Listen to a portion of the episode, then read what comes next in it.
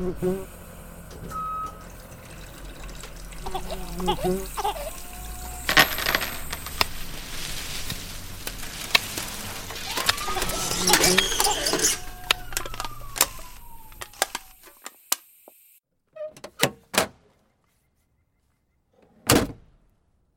til Yrkesfagpodden fra Kompetansesenter for yrkesfag ved Institutt for yrkesfaglæringa ved Oslo OsloMet. Mitt navn er Anders Grydeland. Og før vi starter, så minner vi om at du kan abonnere på Yrkesfagpodden på din favorittapp for å høre podkaster. Du finner oss også på Facebook, hvor du kan diskutere denne og andre episoder. Vi spiller inn i dag den 10. mars 2022, og dette er episode 22 av Yrkesfagpodden, og dagens tema er bærekraft i fag- og yrkesopplæringen. Og da har jeg med meg følgende panel. Kaja Mobråten, førsteamanuensis, yrkesfaglærerutdanningen i restaurant- og matfag. Kate Milosavljevic, førsteamanuensis og ansvarlig for dybdelæring og bærekraft i eget yrke, videreutdanning for yrkesfaglærere. Roger Bakken, førsteamanuensis, jobber på yrkesfaglærerutdanningen innen teknologiske fag. Har elektrobakgrunn. Trine Lise Offergård, pensjonert førstelektor, og har jobbet tidligere på IFL HO, helseoppvekstfag også. Skal vi begynne, eh, Trine Lise, med hva er bærekraft? Det er nesten et så stort tema at det er vanskelig å svare på. Men det dreier seg hovedsakelig om det at vi må ta vare på jorda og opptre på en sånn måte at vi kan ta vare på jorda for fremtidige generasjoner, sånn at de også har en jord å leve av. Og det hører jo sammen med bærekraftig utvikling og bærekraftig vekst, Roger. Um, er det, og det har jo kommet inn i skolen nå fullt med fagfornyelsen. Ja, altså Hvis du ser på fagfornyelsen, så har det i hvert fall kommet inn i, inn i både overordna deler og i, i, læreplaner, forhåpentligvis. Men hvordan det på en måte er eh, satt i gang, og hvordan man på en måte har begynt å jobbe med det, det kan nok være ulikt, vil jeg tro. Såpass tidlig i fagfornyelsen. Men, men går det an å si noe om altså, hva, Hvis du skal ha utvikling, og den skal være bærekraftig, hva er egentlig Hva, hva vil det si? Jeg syns det er vanskelig å bruke begrepet bærekraft og utvikling, altså selve det gamle begrepet bærekraftig utvikling, for det har blitt misbrukt så mye at det nesten er meningsløst. Så det vi snakker om i dag, er mye mer om at i stedet for en bærekraftig utvikling, så må vi ha en transformasjon av samfunnet til bærekraft. Altså en transformasjon av absolutt alle sider ved samfunnet vårt. Både det økonomiske, det sosiale, det individuelle, det politiske. Og Hvis vi kan se alle de faktorene sammen, så må de bidra for å skape et sånn bærekraftig samfunn. Uh, men dette, vi driver med, med fag- og yrkesopplæring. og knytter bærekraft til Jeg mener jeg har lest begrepet um, bærekraftig yrkesutøvelse. Ja, altså det er et begrep som man godt kan diskutere. fordi at uh, det vi må gjøre innen fag- og yrkesopplæring, det er jo å kunne se de ulike yrkene som vi er, da, i en bærekraftskontekst, og om disse yrkene her på en måte har en Altså at uh, den belastningen som de påvirker jorda, f.eks. på naturressurser og i forhold til klima og sånne ting, så må vi kunne se på, og analysere og diskutere disse yrkene. Og, og hvordan, hvordan, den yrkesutøvelsen blir gjort per i dag, og hvordan det eventuelt skal bli gjort i framtiden. Hvor man skal gjøre gjøre eh, ulike oppgaver som ikke skal belaste naturressursene og jordkloden vår. Det er eh, et svært viktig tema. Og det er det som Trine Lise er inne på her også, at eh, vi snakker om en transformasjon eh, som gjør at vi faktisk må se på de store endringene som må gjøres. For det er det ikke noe tvil om i dag, at vi er nødt til å, å, å innse at det er store forandringer som skal til. Og det kan medføre at både yrker må ha stor utvikling. Det kan medføre at kanskje at noen yrker må forsvinne, og det kan hende at det kommer noen yrker til. Så det, det er en spennende del av det med fag- og yrkesopplæring i, i, det med bærekraftig utvikling, da, for å bruke det begrepet. Noe av essensen med det med bærekraftig yrkesutøvelse, det er vel egentlig at uh, yrkesutøvelse må holde seg innenfor naturens tålegrenser. At naturen setter grenser og rammer for hvordan yrkesutøvelsen kan utføres. Og Det er en måte vi ikke har vært vant til å tenke på. Vi tenker yrke som en selvstendig enhet. og så gjør man yrket sånn som man er vant til å gjøre det, og utvikler det ut fra yrkets premisser. Og Det vi må lære oss nå, er at yrket må utvikles ut fra naturens premisser. på en måte. At vi må spørre hva slags yrkesutøvelse tåler kloden at vi bedriver. Så vi må på en måte snu det opp ned. Eh, bare ta det med transformasjon først. Hva, hva, hva er transformasjon? Transformasjon det er en veldig grunnleggende endring av eh, hvordan vi organiserer samfunnet vårt. Når noe blir transformert, så blir det til noe helt nytt noe. Det er ikke bare en liten justering eller delvise endringer, eller noe sånt, men det er noe med å endre selve grunnlaget for hvordan vi samhandler i samfunnet. Når man snakker om en transformasjon til bærekraft, så er det jo noe så radikalt som å sammenligne med endringen fra f.eks. jeger- og sankersamfunn til jordbrukssamfunn. Altså en så radikal omf omformulering og transformasjon av samfunnet er det, er det, vi snakker om. Så Det er et sånn stort historisk løp vi kan se det i. At vi, vi må gjøre en siste sånn stor ny transformasjon nå for å på en måte komme tilbake til jorda igjen. da.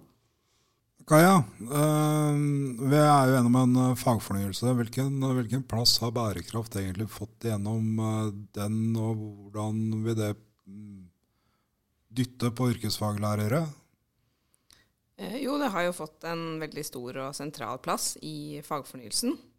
Vi finner det jo i eh, opplæringsverdigrunnlag i overordnet del, med respekt for, eh, for, naturen, hvor det kommer veldig tydelig fram at mennesket er en del av naturen og ansvaret for å forvalte den på en forsvarlig måte. Og så har vi også de tverrfaglige temaene, hvor bærekraftig utvikling er ett av tre tverrfaglige temaer, som går igjen i alle fag. Eh, og I tillegg til at vi finner bærekraftig utvikling i flere av kjerneelementene og kompetansemålene i læreplanen i de ulike yrkesutdanningene. Har du noe større plass på noen utdanningsløp enn andre, eller? Det er jo noen uh, utdanningslinjer som har kommet lengre med det. Og det kan vi tenke på liksom historisk sett også, at de som baser, de yrkene som baserer seg på råværene som er i nærmere knytning til miljøet, har kommet lengre i kompetansemålene. Det ser vi i naturbruk, det ser vi i uh, de linjene der hvor de her over tid måtte tydeliggjøre uh, et grunnlag.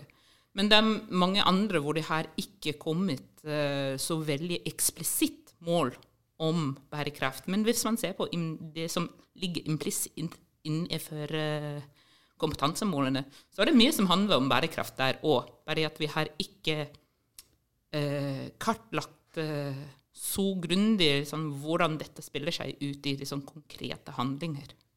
Så jeg vil si at de fleste har bærekraft bygget inn i både kompetansemålene og knyttet til overordnet del, men at det er noen som tydeliggjør dette bedre enn andre.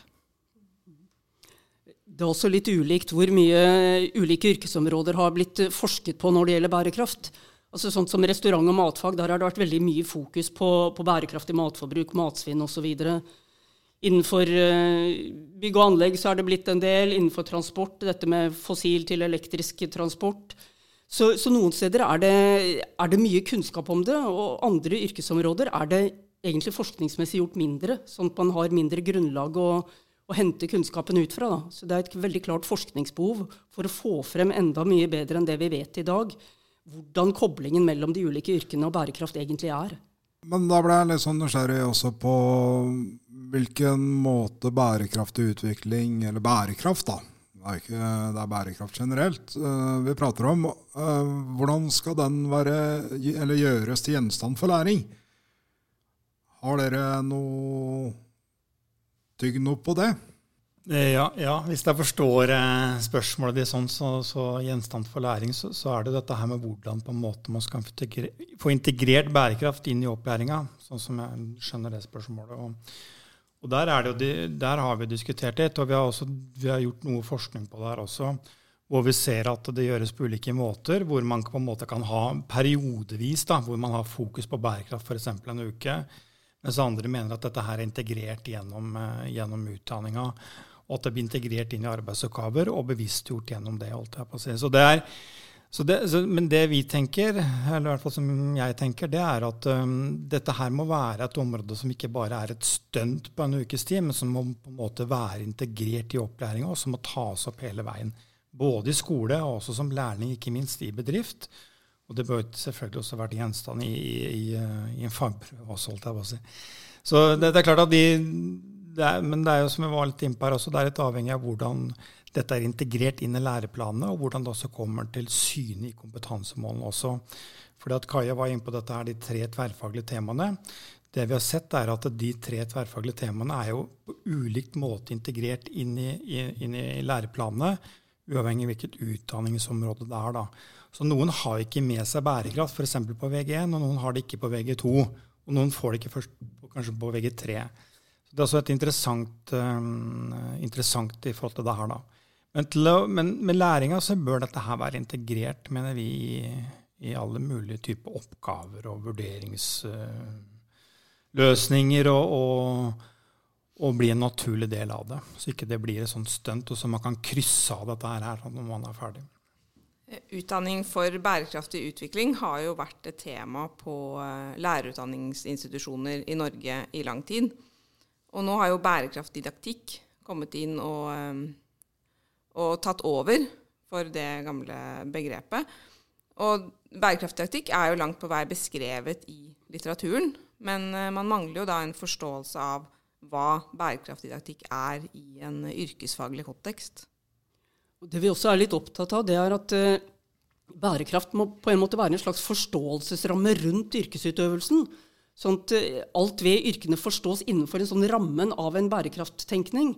At man ikke bare plukker ut enkeltelementer i yrkene og sier ja, men det kan vi jo gjøre litt mer bærekraftig ved å gjøre det sånn og ikke sånn. Men at vi må tolke hele yrkesutøvelsen som en totalitet en, inn, innenfor en sånn bærekraftkontekst. Og da vil vi kanskje etter hvert oppdage mange nye aspekter ved det med bærekraft og yrkesutøvelse. At det kan være ting man innenfor ulike yrker overhodet ikke har tenkt på at har noe med bærekraft å gjøre. Men det er snakk om å begynne å tenke mye bredere på bærekraft, i stedet for at vi liksom putter inn litt bærekraft her og der. Så er det denne forståelsesrampen vi er nødt til å etablere og tenke ut fra.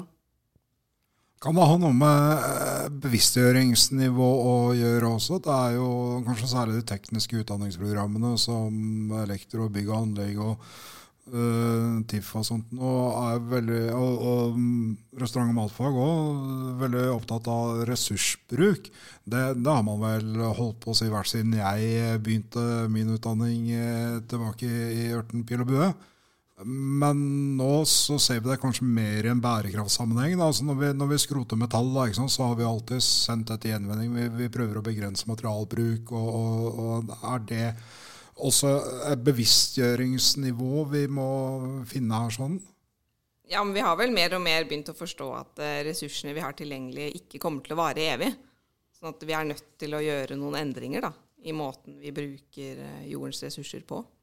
Ja, så, så egentlig Spørsmålet er om det går fra sånn økonomisk perspektiv. Da, vi, vi, har jo passa på materialbruken og sånt for å spare penger og gjøre prosjektene våre lønnsomme og over til at er, vi gjør det pga.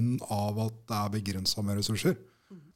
Ja, nei, altså det er jo, som Du var innom begrepet er økonomi. og Det er jo på en måte, eh, kan jo være en nyttig drivkraft i det å gjøre et samfunn mer bærekraftig også. da. Men det er jo det som er fokus her, at vi må bli bevisst, sånn som Kai var så inn på, at vi, vi har begrensa ressurser. Det er det vi har, det er det som er på den kloden her, og det er vi i ferd med å overforbruke totalt.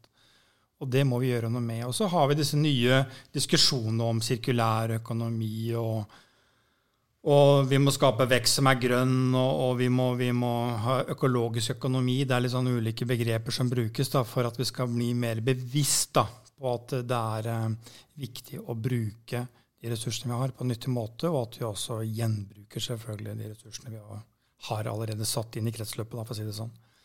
Så det er, jo, eh, det er, jo, svært sentralt. og det tror jeg, Men det har man jobba med i mange år på mange måter. Men, eh, men, eh, men, jeg tror vi må starte mye før vi skal snakke gjenbruk også. Vi må starte mye før på, på det forbruket og den veksten vi hele tiden prøver å få, få i gang. da. Veldig ofte så, så, deler man jo opp bærekraft og sier at det har en økologisk, og en sosial og en økonomisk dimensjon. Og Det er jo liksom det FN tar utgangspunkt i også med bærekraftmålene. Men altfor ofte så har man sett at disse dimensjonene har blitt isolert fra hverandre. Og så ja, Ofte da har man blitt sittende med å bare se på den økonomiske dimensjonen, f.eks. innenfor yrkeslivet. Og så sier man for at yrket skal være bærekraftig, så må det jo gå rundt, og det må være økonomisk osv. Men eh, altså, naturen seg enkel, bryr seg ikke om enkeltyrker og dets økonomi. Eh, så vi må klare å se disse tre dimensjonene alltid i sammenheng. Og da er fundamentet for alt sammen det er jo at vi har en jord som kan, kan ta, ivareta oss og gi oss det vi trenger. Så hvis vi kjører unna med varer, ser isolert på den økonomiske dimensjonen, så mister vi kanskje selve det økologiske aspektet, og så ender vi opp med å ha en jord som ikke er, kan gi grunnlag for menneskelige sivilisasjoner lenger. I ytterste konsekvens, da, hvis vi drar det så langt. Så det er forferdelig viktig at vi ikke trekker de dimensjonene fra hverandre, men ser dem i sammenheng. Og at alt sammen må bygge på det at vi må ha en, ha en jord å leve av. Den må vi ta vare på. Tror også det er um i det siste, faktisk. Det, vis, det, det som skjer i det videre Europa for tida, viser oss hvor lite resiliens det er i de økologiske og økonomiske systemene som vi har for tida. Når krise i en del av verden utløper en hvetekrise som kommer til å ramme store andeler av verden, så kan vi se at de grunnlagene er alle knyttet sammen på en måte som kanskje vi har ikke vært så veldig klær over i de siste 10-20 år eh, hvordan dette globale systemet påvirker det lokale ressurser. Som du nevner sjøl. Liksom. Vi har vært opptatt av gjenbruk. Men sånn, jeg tror det er veldig mange av oss som har ikke tenkt så veldig mye på hvorfor dette har blitt mer og mer viktig. Eh, at vi ikke utnytter liksom jomfruressurser lenger. og at mye, fordi dette dreier seg om liksom en sånn systemsresiliens. Eh, at vi kan takle krise. At vi har uh, muligheter til å ha en fleksibilitet i de systemene vi bruker. Jeg må bare spørre, hva er resilience? Resilience er jo et robusthet. At en viss system, enten vi snakker om en utdanningssystem eller en økologisk system eller en naturlig vannsyklus, at den tåler hvor mye belastning denne tåler før det bryter sammen. Så det kan vi tenke med eh, økonomiske kriser, hvor mye robusthet det er i det. Og veldig mye av dette dreier seg om noe man skulle kalle innenfor økologi sånn mangfold. At man har en del av eh, forskjellige Vi kan kalle dem arter, vi kan kalle dem elementer, som kan erstatte hverandre hvis ting går dårlig en del, så kan vi bruke forskjellige ting til å bygges opp igjen, på en måte. For å hoppe litt bakover, beklager det, men eh, forsto jeg det riktig som at når vi gjør bærekraft eh, til gjenstand for læring, så var ikke dere noen tilhengere av å gjøre det til en sånn temauke eller, eller et sånn uh, stunt på skolen? Altså, jeg er ikke motstander av å ha en temauke, men det må ikke bli ferdig med det. Altså, det kan være fint å ha en uke hvor du har intensivt, men det må, det må på en måte da også brukes senere. Eller det må brukes fortsatt. holdt jeg på å si. Man kan ikke krysse av og si at nå har vi tatt bærekraft, eller nå har vi tatt eh, demokrati og medborgerskap, eller nå har vi tatt livsmestring. Det må på en måte være til gjenstand for at det blir tatt med hele, hele veien. da. Bærekraft er jo også snakk om en modningsprosess. Og hvis du skal få til en modning hos elever, så må du komme tilbake til temaet igjen og igjen. Og som jeg nevnte i sted, se på det som en forståelsesramme som er med elevene hele tiden. Hvor de kan modnes inn i en ny måte å tenke på. Og modnes til å se at bærekraft det gjelder alt vi gjør. Og vi kan ikke isolere det som noen sånne små stunt som du nevnte. Det må, det må være noe som eh, preget hele tankegangen og hele yrkesutøvelsen. Jeg tror at det er mye av dette også som dreier seg om å være konsekvent. Eh, man skal ikke undervurdere elevenes kapasitet til å se at vi uh, snakker med to ansikter når vi drar ut på en stunt og plukker plast fra strandlinje, og så har vi fremdeles plastbestikk i kantine på skolen. Eh, Roger, har det vel eh, kommet et par eh, nye begreper for meg, i hvert fall. Sirkulær økonomi og grønn vekst. Hvem vil lære meg hva det er? I en sirkulær økonomi så er det veldig mange som tenker at uh, det er sånn uh, gjenbruk og uh, bruke ressurser så lenge som mulig, og det er det vel. Men jeg tror det er mange nå som har kanskje hørt begrepet 'flytte løs' litt i utdanningssystemet, i og med at um, regjeringen har kommet med en nasjonal strategi for uh, sirkulær økonomi i Norge. Men det egentlig dreier seg om å holde verdifulle ressurser i et høyt verdis eh, så lenge som mulig. Så da snakker vi om energiutnyttelse, enten vi tenker eh, energi i form av eh, råvære, naturlig være eller teknologi. Så ønsker vi at disse holdes opp i et, et høyt eh, verdifull loop, skal man kalle det, eh, sirkus, før vi gjenvinner energigjenvinne dem ned til et lavere teknologitype. Og det er fordi at vi ønsker å holde energi, eller verdi, som er en form for energi, da, eh, gående så lenge som mulig før den degraderes ned til et lavere form. Så vi, Det er litt mer komplekst enn bare å gjenvinne. Så f.eks. da jeg reparerte min kjøkkenmaskin i sommer, i stedet for å kaste hele saken, kjøpe en ny maskin, heller eh, gikk på internettet, fant eh, den eh, tannhjulet jeg trengte, og bytta ut den sjøl, er jeg da en del av sirkulær økonomi? På en måte, ja. Men jeg vil si at det er flere nivåer her. Den høyeste er La oss si du er snekker, og så ønsker du å holde eh, treverk i den samme form som den er i bruk.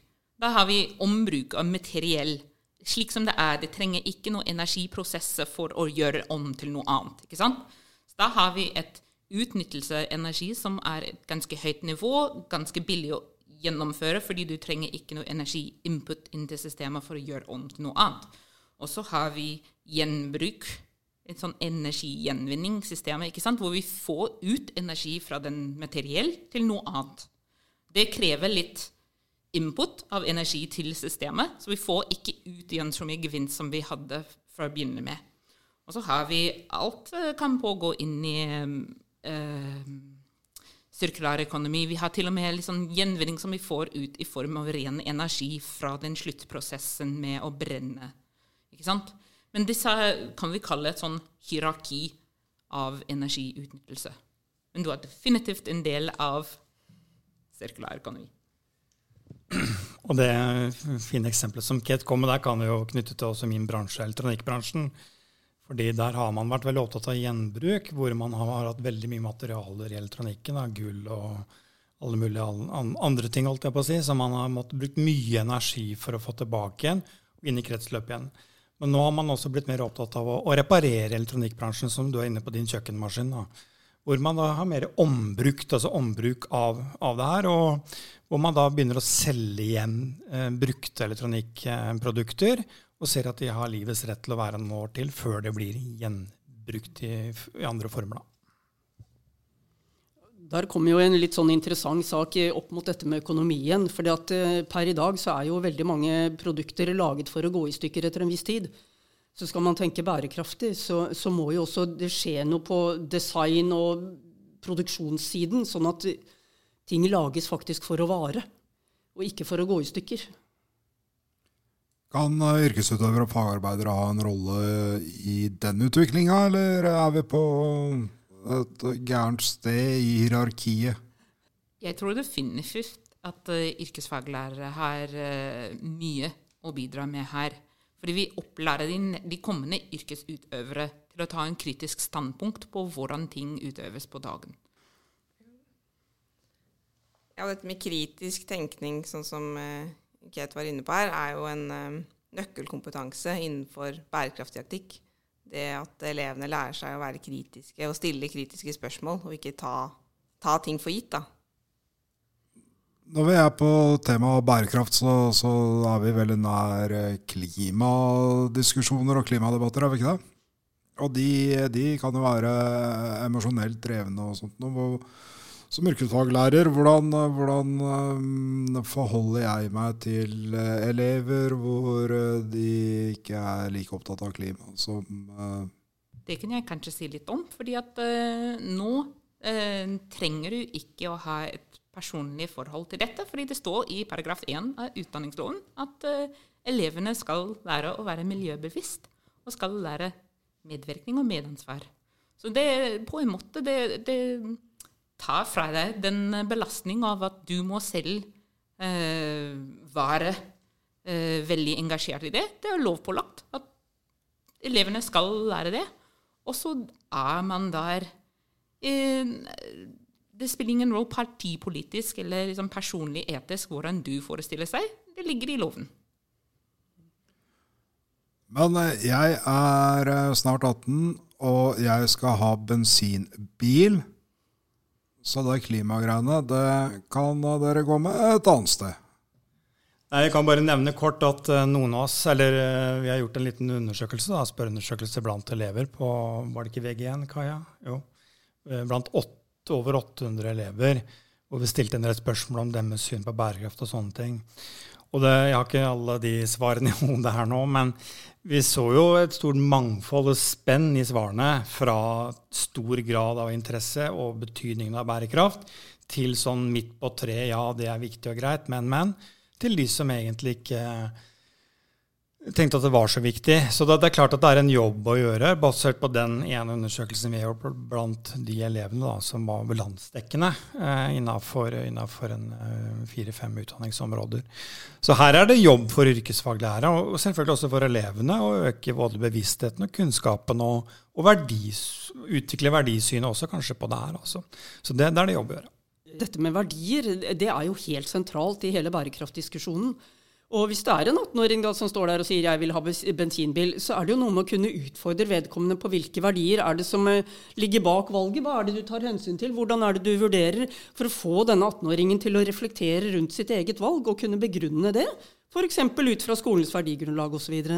Altså jeg tenker at Hvis vi skal ta opp bærekraft på en ekte og ærlig måte, så må vi også kunne utfordre elevene hvis vi opplever at de står for et annet verdisyn enn det skolen egentlig skal fremme. Og jeg syns det er veldig viktig, som det vel var Jeg husker ikke hvem som sa det, at det, at det er Ket var det vel det ligger en del verdier nedfelt i opplæringsloven, og de, de, har lærere en plikt til å fremme. Og er det clinch da med elevenes verdier, så er det grunnlag for en skikkelig gjennomgang og diskusjon og runde i klassen med hvilke verdier er det vi går for, og hvorfor, og hvordan begrunner vi valgene våre. Og det vil elevene kunne lære veldig mye av. Og hvis jeg som eh, lærer mener bærekraft, og dette her kun er en måte å straffe meg som individ på, så Finn deg en annen jobb. Men jeg, jeg vil liksom, også liksom tanke, tatt et sånn runde med deg sjøl. Hvorfor syns du det? Eh, hvorfor føler vi at, um, at ved å snakke om bærekraft og klimaendring og de endringer som er nødvendige for å, uh, for å tilfredsstille våre muligheter til å jobbe å, å, bo på dette jordkloden. Fordi det er ikke slik at den kommer til å gå under for jorden. Den blir der. Det er litt livsvilkår for oss sjøl som vi prøver å, da, å bære videre. Eh, hvorfor, hvorfor, føler vi der at det er noe som vi mister ved å innføre disse tiltak? Hvorfor eh, er ikke det noe som vi da får i at vi får faktisk mulighet til å leve videre gjennom våre barn og barnebarn. Eh, ellers eh, ja, Jeg syns det, det, er eh, tid for litt selvrefleksjon i, i slike meninger, hvis man har dem virkelig sjøl. Ja, og i forlengelsen av det så tenker jeg at vi må begynne å diskutere og få en bevissthet at mennesker er en del av et system her på jorda. Vi er liksom ikke uavhengig av det. Og, og, eh, det har kanskje vært eh, i altfor mange hundre år holdt jeg på å si, et fokus på at mennesket er i sentrum. altså Jorda er til for mennesker, men det må vi også endre på, da, slik at ungdommer må forstå at det er ikke Eller ikke ungdommen, men egentlig alle. Eh, det er ikke, det ikke ubegrensa, det vi har her på jorda. Og vi må skjønne at vi er et del av et system, og da må vi ta hensyn og ta vare på det. Sånn at vi får et helt fint og greit liv, også uten to-tre bensinbiler og andre ting vi har lyst på å kjøpe, som har blitt en veldig vanlig materialistisk eh, utvikling siste, av mange av de siste tiårene. Så jeg tror at vi må, vi må, vi må tenke at, eh, at, livet kan være veldig rikt med enkle og få midler også. Det tror jeg vi må få inn her. Og Da kommer vi til det grunnleggende verdiorienterte med dette med bærekraft. Eh, altså, man kan ikke snakke bare teknisk om bærekraft. Det dreier seg om verdier. Hva slags verden ønsker vi å ha, og hvilket grunnlag skal den uh, ta utgangspunkt i? Og uh, I forlengelse av dette Roger sa, så tenker jeg at det med å jobbe for å få frem en forståelse at det er mennesket som er avhengig av jorda, det er så grunnleggende for bærekraftutdanning på alle nivåer. Hvis vi ikke skjønner det, så vil vi heller aldri komme frem til en bærekraftig framtid. Eller kunne komme inn på et spor mot bærekraft. Det er der det selve svikter i det systemet vi lever i i dag. Det er det at vi, vi tror vi bare kan hente fra et eller annet overflødighetshorn et eller annet sted som bare skal gi oss det vi vil ha. Og det tåler ikke jorda at vi gjør. Og da, da må vi også for vår egen skyld klare å finne frem til dette rike livet med enkle midler, som eh, nettopp ble nevnt her. Og se at livet kan være minst like rikt på den måten, men det vil bare bli annerledes. Og det er andre verdier kanskje som kan få en høy grad av oppvurdering, og som kanskje kunne gjøre mennesker mer tilfreds. Faktisk litt fristende å koble over til utviklingen når det gjelder psykisk helse, for den er jo på mange måter alarmerende utvikling når det gjelder psykisk helse i befolkningen i den rike del av verden. Og man kan begynne å spørre hva, hva har det med å gjøre? Er det relatert til bl.a. dette vi ser nå med de verdiene vi har lagt til grunn? Dere har et par ganger vært innom eh, det med verdier, og at bærekraft er en del av utdanningens verdisett verdisett. Eh, og det jeg lurer på da, det kan, kan skolene fortsette å driftes som før, eller må de endre seg, eller er dette noe vi bærekraft og sånt, ting som det, noe vi bare påfører elevene? Ja, altså det må jo i hvert fall eh, skolen som, som, helhet må jo enes om at dette er noe de ønsker å drive med og satse på. Sånn at uh, lærerne har en felles forståelse om hva bærekraft er, og at alle da underviser i det verdisynet. Eh, det vil jeg jo si. Jeg tenker så Implisitt i denne spørsmålet nå er det en grunnleggende dilemma med læreplanverket. Og det er at, uh, som vi sier på engelsk, 'Today's curriculum is a gift for the future' from today's uh, teachers. Og det har vi en grunnleggende dilemma, fordi hvordan kommer vi ut av dette systemet med det samme tankemåte som vi gikk inn i? Så uten at vi endrer hvordan vi tenker på faget, hvordan vi tenker på skolens drift, hvordan vi tenker på sosialmandat til skolene, hvilke endringsaktører de kan være i samfunnet, så tror jeg ikke at vi kommer noen vei. Jeg tenker jo at eh, skolens mer sånn konkrete driften av skolen burde jo være et eksempel på bærekraft. Så gjennomført som overhodet mulig, som det går an å få til. Sånn at det blir en form for eksemplarisk læring, at elevene lærer at det er sånn det skal være. Dette er helt naturlig. Og det få mest mulig jeg håper å si, sirkulærøkonomi inn i skolen. Ta vare på ressurser, få ting til å vare osv. Så videre, sånn at elevene lærer at dette er det normale. Det er sånn vi må tenke. Ellers så blir det en sånn eh, ganske stor splittelse dem. Altså, de lærer én ting, at vi sier at noe er viktig, og så er det ikke viktig likevel. Og det blir et litt sånn ugreit dilemma som vi setter elevene i. Og derfor er det skulle ønske meg mye sterkere føringer på at skolene faktisk skulle driftes bærekraftig enn det det finnes i dag. Ja, men selv om, eh, selv om da skolene skulle klare eh, å gjøre en opplæring i dette verdigrunnlaget som Trine Lise presenterer, så vil det jo likevel være vanskelig for elevene hvis ikke det er dette verdigrunnlaget de møter ute i samfunnet. Så det er en formidabel eh, utfordring å undervise etter, eh, etter verdigrunnlaget i, eh, i, læreplanen, så lenge dette ikke er noe samfunnet som helhet står for. Da. Tenker jeg De verktøyene vi har for, for å sikre at skolene driftes, de evalueringsmiljøfyrtårn og slike miljøfyrtårn og slike mm, eh, skjema som man kan knytte seg til. Da er vi også nødt til å stille oss ganske kritisk til det. fordi når jeg spør mine studenter om skolen er miljøfyrtårnsertifisert, så sier de ja. Og så spør jeg hva innebærer det? Og så er det bare et uh, tom uh, kvalitetssikringsverktøy som ikke uh, trengs å by fram reell endring. Det kan man også diskutere. Fordi her er det noe som jeg skulle kalle greenwishing istedenfor greenwashing. Her er det veldig mange eh, ønsker som, skulle, som skole kan faktisk skrive inn at de er på vei til bærekraft. Men dette er det ingen som følger opp. Eh, det, det, trengs bare at man ligger inn et, et målsettingsplan. Ja, for Det ville jo vært et paradoks om noe så enkelt som kildesortering. Da, at vi lærer teoretisk hvordan det kildesorteres, og så går all søppel i samme containeren på skolegården, kanskje. Men jeg vil også si at med kildesortering så er det bare den tippen av isberg der. Hvorfor kildesorterer vi?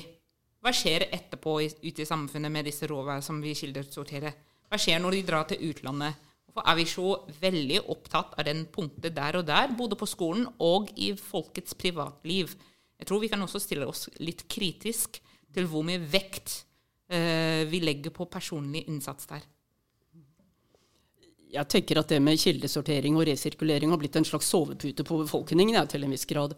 At ja, jeg resirkulerer melkekartongene mine, og da går det nok bra. For å sette det på spissen, da.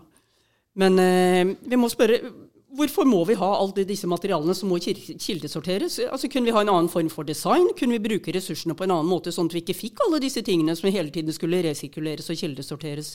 For det tar jo masse energi og ressurser, det også. Så vi må gripe tidligere i kjeden, i den grad det er mulig iallfall. Og en del er ikke mulig å gjøre per i dag, men det kan bli mer og mer som blir mulig etter hvert. Vi er jo ikke bare opptatt av læring, vi er opptatt av utvikling av kompetanse. er vi ikke det? Eh, og hvilken kompetanse er det egentlig vi har behov for? Altså, både vi som yrkesfaglærere og våre elever som framtidige yrkesutøvere, og skoler som, som uh, institusjoner også. Uh, hvilken kompetanse har vi behov for om vi skal handle etisk og miljøbevisst? Ja, Det er jo et uh, stort spørsmål. jeg kan begynne å si litt, så kommer vi i gang alle sammen her sikkert etter hvert. Men, men, det handler jo altså Hvis vi ser på det som, som Kate er innom på både opplæringsloven, og det som også står nå i overordna del, og, og det som står om bærekraft der, så står det at elevene skal ha forståelse og skjønne at vi er en del av naturen. Og, og, og hvordan dette her fungerer, og økologi, økologiske systemer. Og, og, dette her er veldig viktig, og at vi får dette her inn i et bærekraftsperspektiv, slik at elevene ser både seg sjøl, samfunnet og det yrket de skal utdanne seg i, som en del av det. Og det å få en bevissthet, og da etter hvert også forhåpentligvis utvikle både kunnskap og etter hvert kompetanse, så er det, så er det sentralt, tenker jeg. Og det er en sånn grunnleggende ting som, som, som, som, de må ha med seg hele veien. Uh, og, og, skjønne at man er en del av et, uh, del av et større system. Det, det, tenker jeg er uh, noe av det noe av kjernen i det. da. Og så er det jo mange aspekter til.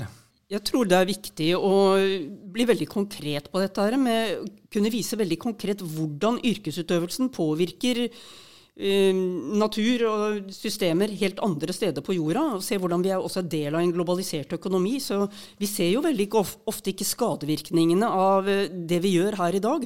Men de skadevirkningene opptrer kanskje i Kongo eller Peru eller eh, Thailand eller et eller annet sted. Så at lærerne har en overordnet forståelse av hvordan yrkene spiller inn i en sånn global bærekraftkontekst, og påvirker helt andre steder, det tror jeg er viktig å bygge ut for alle yrkesområder. Sånn at man ser faktisk hva er de konkrete resultatene av yrkesutøvelsen. At det ikke bare blir abstrakt. Vi skal være snille med, med naturen, liksom, for det er bærekraftig på lang sikt. Altså, Vi må gjøre det veldig konkret. Så Det tror jeg er en av de kompetansene som trengs. Nemlig den det store globale perspektivet på yrkene. Hvor, hvor spiller de faktisk inn hen? Og så tenker jeg på dette med handlingskompetanse. At det er veldig viktig at uh, elevene for um, Eller altså at de um, lærer hva de kan bidra med selv, og hva som er de riktige, um, de riktige handlingene, eller valgene, da. Og der har jo lærerne en veldig viktig oppgave i å vise elevene hva som faktisk nytter, da. Jeg tenker også som oppfølger til det som er blitt sagt nå, er at det, det som jeg ser som det mest grunnleggende kompetanse, både for um, eh, yrkesfaglærere og elever er faktisk å tilegne seg en sånn systemkritisk eh, blikk. Eh, at man ser, eh, akkurat som de folk her har vært innom, eh, hvordan eh, det som skjer her og nå lokalt, tidsmessig og geografisk messig, er knytta opp til større prosesser andre steder. Og da vil jeg tro at uh, yrkesfag uh, i Norge har jo en, en veldig god historisk uh, tilnærming til at vi er så sterke i faglige foreninger. Man utdyper et form for litt sånn Eller i hvert fall et sånn nasjonal deltak, politisk deltakelses eh, forståelse av rettferdighet innenfor fagmiljøer og sånne type ting. Og så skulle jeg ønske der at folk løfter dette blikk til å se at de yrkene her er også knyttet opp mot yrkene i andre land. Ikke sant?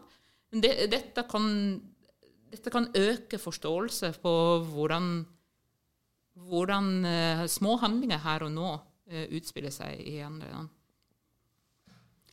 Tror det er veldig viktig det som Kaja sa, at læreren ikke bare må se på problemsiden, men også vite om alternativene. Og peke på alternativene og vise elevene hvordan de kan være med på å skape endringer selv.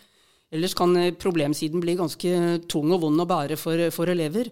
Så det å vise frem konkrete, gode forslag til iallfall kanskje foreløpige forbedringer, om ikke annet, sånn at elevene opplever at de kan være med på å gjøre noen ting, det tror jeg er en like viktig del av kompetansen som det å vise problemsiden, også vise mulighetssiden for å bygge opp troen på at det går an å gjøre noen ting. Innenfor teknologiske fag så har jeg kjørt en øvelse på blant yrkesstudenter blant yrkesfaglærerne, yrkesfaglærerstudentene i flere år, som vi kaller livsløpsanalyse. Og Det har vært en bevisstgjøringsprosess for dem, hvor de har på en måte valgt et produkt og fulgt det fra det ble utvikla, til det på en måte blir gjenbrukt, eller, eller at det havner på søpla. Da. Og der, eh, der også bruker vi ordet substitutt. ikke sant? Og så kan vi bruke noe annet som, som, på en måte varer lenger, eller som på en måte kan være bedre, mindre belastende for miljøet og for klimaet. Og Det har vært en sånn bevisstgjøringsprosess for mange av studentene, og, og som, har, eh, som, er et konkret eksempel for de. da. Så En snekker har fulgt en spiker, ikke sant? en elektriker har fulgt en bryter, eh, og hvordan den veien der er. Så det, det er konkrete ting som kan øke bevisstheten, i hvert fall. Og forståelsen og kompetansen. De fleste av våre elever de, går, de har jo bare halve opplæringa si, sånn røftlig, i skolen. Uh, og den andre halvdelen har uh, bedrifter og virksomheter og sånn ansvar for. Hva blir deres rolle i opplæring på bærekraft? Tenker du hva er bedriftenes rolle, eller? Ja, nei, jeg kommer fra skolen. Jeg har lært masse om bærekraft og etikk og sånt noe, så kom jeg ut i en eller annen bedrift. Ja, det, og der skal vel opplæringa mi fortsette? Absolutt. Uh, og her uh, har jeg erfaringer fra mine studenter som uh, er alle aktive yrkesfaglærere i skolene akkurat nå, videre, som tar videre utdanninger. Og mange som har vært ute på hospitering, sier at næringslivet faktisk i mange tilfeller ligger foran det som er i skolesystemet. Eh, men de ganger eh, de her elevene som møter litt motstand, eh, så ønsker de at elevene har lært det kritisk tenkning til å se at dette er ikke bærekraftig. Noen ganger at det er at, at elevene, som Kaja sier, tør og står foran. Og, og jobber i, i, takt med dem sin egen verdi, eller at de kjenner til at noe skal endres og jobbe for det. Um, det, det, det, ser man faktisk i mange av de større uh, næringslivsselskapene i verden. Mersk, den store shipping-selskap, um, uh, de har sleit i mange år nå ved en graduate recruitment scheme, fordi det er ingen som vil jobbe for dem lenger, fordi de er ikke bærekraftige. Så de har måttet gjøre om hele driften til å prøve å for disse høyt utdannet uh, studentene til å komme tilbake. Så det ser vi med nå at de har innført sånn grønne hydrogen-drivstoff på shipping. Ja, og Det er jo veldig viktig at uh, de lærlingbedriftene som tar imot lærlinger, er opptatt av, er opptatt av bærekraft, og at de og står for det verdisynet som elevene har, har møtt i skolen. Da. Hvis ikke så faller jo sin, eller lærlingen sin motivasjon for å jobbe med bærekraft, hvis ikke de opplever at eh, bedriftene er opptatt av det. Og det tilsier behov for et veldig nært samarbeid mellom skole og arbeidsliv, og skole og de bedriftene som, eh, som tar over elevene. At man, eh, at man, har kanaler der for å utveksle, sånn at de, de vet veldig godt hva skolene forventer av dem når det gjelder bærekraft. Og Gradvis kan det være med på å skape en endring innenfor arbeidslivet. Jeg tror også, som Keta er inne på, at næringslivet kan ligge langt foran skolen på mange måter. For jeg tror, mange, jeg, tror, jeg tror at næringslivet har et stort fokus på der. Nå snakker jeg generelt, men um, store deler av det har det, virker det som. og snakka om det senest i går med noen, og, og, det er stort fokus også blant ledere i næringslivet. og De ser at det her er kjempeviktig. Og, det, og, og når det der begynner å rulle, så vil jo dette her også gi oss store, stort handlingsrom i forhold til å, å, utvikle det på skolen også, blant elevene og lærerne. Så dette tror jeg kommer, altså. Virkelig. Og da Som oppfølger til det Roger sier, jeg tror at på næringslivet så eh, De som ligger en hakk foran, har innsett at det er større europeiske sammenhenger som kommer inn til spill. Selv om de er kanskje verdimessig eh, interessert i bærekraft, så vil den European Green Deal kommer til å skape en grunnlegg hvor de som er bærekraftige, står en økonomisk hakk bedre an når det gjelder konkurransegrunnlag, ute eksport, import, og alle disse ting. Så da har jeg en liten håp der at selv de som er ikke så veldig interessert ut fra en verdimessig grunnlag, eh, vil innse at det er faktisk good business til å være bærekraftig i tillegg. Jeg har notert meg for et siste tema sjøl på, på, på, blokka. Det strengt tatt i overordna del av læreplanen så står det tema bærekraft rommer problemstillinger knytta til miljø, til klima, fattigdom, fordeling av ressurser, konflikter, helse, likestilling, demografi og utdanning. Elevene skal lære om sammenhengen mellom de ulike aspektene ved bærekraftig utvikling. Allikevel så ender vi, og, og jeg som vi hører av denne samtalen, veldig ofte opp i natur og, og, og klima. Mm. Hvorfor blir det sånn? Ja, hvorfor tror du det? Nei, det, det, vi har jo vært innom det både direkte og indirekte, har vi ikke det? Og det, det er det at det som er grunnlaget vårt for, for, at du skal kunne eksistere her på jorda, og at, vi, og at vi mennesker er en del av det her. Og vi kan jo trekke et begrep som heter antroposentrisk, dvs. Si at vi har i stor grad hatt fokus på at det er mennesket som er i sentrum, at jorda er til for mennesker. Jeg tror at vi må innse at vi er en del av et system. Og dermed så tenker jeg at når vi ser på disse rapportene som kommer fra FN om både klima, som de mener nå er i ferd med å endre seg drastisk, og ikke minst også en, en drastisk reduksjon i naturgrunnlaget vårt, så er det det mest elementære vi må ta tak i for å stoppe de prosessene der. At det ikke øker og blir enda verre. Og så, for det er grunnlaget for å utvikle også de andre elementene som du nevnte her i spørsmålet. Hvis ikke det er på plass, så er det også vanskelig å utvikle de, de åtte andre du sa der. Da. Så det, Derfor ender vi fort på det, og det er basert på at det er kritisk nå med, med natur og med klima. Jeg tror også når det gjelder læreplanverket, så har de gjort den oppdelingen sjøl ved at de tre tverrfaglige temaene, tenker jeg da, eh, omfatter et bærekraftsperspektiv med en stor B. Mens bærekraft, som den er beskrevet inn i læreplantekstet, lener seg inn til det klimaet. Mens livsmestring og folkehelse, den syns jeg er også essensielt i et stort bærekraftsperspektiv. Det samme med politisk deltakelse, medborgerskap, mangfold. Alle disse problemstillingene faller naturlig under der. Så jeg tenker den, den innramming som ligger i eh, læreplanverket, er litt kunstig satt opp. Og det, det ser man eh, når man har tatt eh, bærekraftanalyse, at det er mange flere forskere som mener litt det samme. Jeg har følelsen at den, eh, den oppramsingen som du tok her i sted, som helt riktig står i overordnet del, at den eh, refererer til FNs bærekraftsmål. Og ære være dem, det, der står det veldig mye bra. Det, men det, grunnlaget der igjen er at disse må ses i sammenheng.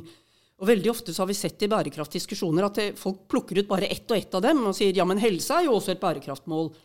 Men det finnes ikke helse uten at du har jord og luft og vann. Det finnes ikke utdanning hvis du ikke har mat nok til å komme deg på skolen og tankemessig evne til å lære fordi at du ikke får mat. Så vi må hele tiden tilbake til dette grunnleggende at alle de andre sosiale bærekraftmålene som, som vi kan ramse opp, som er viktige og kjempenødvendige, de bygger på forutsetningen om at vi har en fungerende jord. Og Derfor er det hele tiden den vi kommer tilbake til, for den danner basisen for alt det andre. Samtidig så er det sånn at Sammenhengen er vel at eksempelvis med utdanning så styrker det meg i å handle etisk og bærekraftig også. Så vi kan ikke helt eh, glemme de, kan vi det? Absolutt ikke. De skal ikke glemmes, men, eh, men man må bare erkjenne at de, at de, forutsetter noe annet først. Og så vil du kanskje si at eh, ok, hvis vi har et naturgrunnlag som gir, bidrar til å gi folk god helse, så vil også god helse kunne være med på å fremme bærekraft, fordi at folk kan gjøre en jobb. De kan bidra til å dyrke mat, f.eks.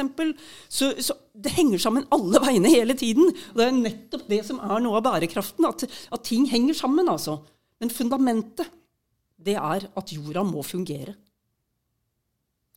Ja, og det er, jo, det er jo kjempeviktig eh, at jorda må fungere. Ellers får vi ikke gjort det andre. Og det, nå er vi inne i det vi kan, vi kan snakke litt om det vanskelige ordet antropocen også. Hvor nå er det liksom mennesket som er den dominerende arten på jorda. Og det har liksom innsett nå, da. Og det, det, betyr at vi har berørt så mye her på jorda og, og påvirka så mye her nå at vi har et, fått et enda større ansvar holdt jeg på å si, i forhold til å ivareta det som er igjen av natur og ikke minst også ikke påvirke klimaet så mye. Derfor så vi, ender vi fort opp på de elementene der i diskusjonen om bærekraft. Ikke bare ta et lite konkret eksempel. Eh, når du spør eh, en del eh, barn i grunnskolen hvor maten kommer fra, hva svarer de? Selvfølgelig fra butikken. Altså, de har ikke fornemmelsen at denne maten faktisk kommer fra jorda. Så vi, vi, lever i denne her eh, antroposentriske tidsalderen vår med fokus på mennesket. Så har vi glemt at det er denne jorda vi lever av. Og det er faktisk noe av det viktigste med bærekrafttenkningen. Det er å få frem denne erkjennelsen igjen. At her ligger fundamentet vårt. Og alt det vi bruker, et studio eller et klasserom eller bøker eller klær eller hva som helst, alt det stammer opprinnelig fra jorda. Uten den så er vi hjelpeløse. Det er jo tross alt vi som har avhengig av jorda. Om vi forsvinner, så er det Jorda blir her uansett. Så det er vanskelig Vi skaper våre egen livsvilkår her. Så ja. Jeg synes det, det, er sikkert derfor vi kommer tilbake igjen, igjen til det. Jeg vil si at Yrkesfaglæreren har en svært svært sentral rolle i å, å bidra til at du skal bli mer bærekraftig og å bidra i transformasjon, som vi starta også med. Og yrkesfaglæreren eh, har en rolle som, som, eh, som, må brukes i den sammenheng. Og det er viktig å utvikle elever til å, danne de til å gå inn i yrker som er fremtidsretta, og som kan være en stort pluss og bra bidrag til, til å, å gjøre samfunnet mer bærekraftig. Innledningsvis så sa dere at noen yrker uh, forsvinner, og noen yrker kommer som yrkesfaglærere eh, bør ikke vi da også ha fokus på at vi gir eh, så grunnleggende god opplæring, at vi får, får selvstendige og reflekterte praktikere at de kan ta den kompetansen de har lært i forbindelse med opplæring av ett yrke, og så gå inn og gjøre et annet yrke.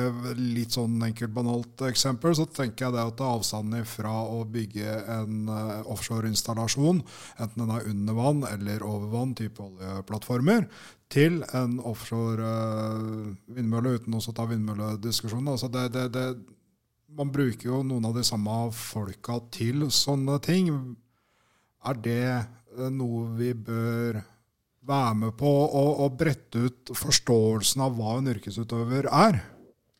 Jeg tror at det er viktig det du sier. Samtidig så er det en prosess ved at noen yrker forsvinner, noen kommer. Alltid vært der. Eh, vi opplever det litt brutalt der og der, generasjon for generasjon, at noen yrker forsvinner. Og det er jo trist for de som utøver det. Men dette er en prosess som har pågått siden industriell revolusjon. At uh, noen type yrker forsvinner, og noen nye kommer. Så jeg, tror, jeg ser ikke for meg at det er noe større problematikk knyttet til dette nå, bortsett fra et hastighet ved at det må skje. Ellers så tror jeg også, som du antyder, at det, det er masse kompetanse innenfor ett yrke som også kan overføres til et annet yrke, som da er mer bærekraftig enn det du forlot. Så en sånn generell allsidig grunnkompetanse er vel noe av det som man har vært opptatt av at er viktig for framtiden. Nettopp fordi at eh, endringene i yrkeslivet kommer oftere og oftere. Og da trenger man en mer sånn generell basis som kan utvikles i ulike retninger. Og da er det veldig, veldig viktig det som eh, vi har snakket om med den tverrfaglige kompetanse. Ikke bare de tverrfaglige temaene, men at F.eks. hvis du jobber på um, skipsmotor nå, så må du kunne håndtere elektriske motor i tillegg til diesel. ikke sant? Det, det er liksom grunnlegg for hva slags teknologi du har innpå, kommer til å være mer og mer tverrfaglig. Da takker jeg for praten. Tusen takk for at dere kom til Yrkesfagpodden. Takk for at vi fikk lov til å komme. Dere håper det har vært nyttig. Og Yrkesfagpodden kan dere abonnere på på alle steder der dere hører på podkaster.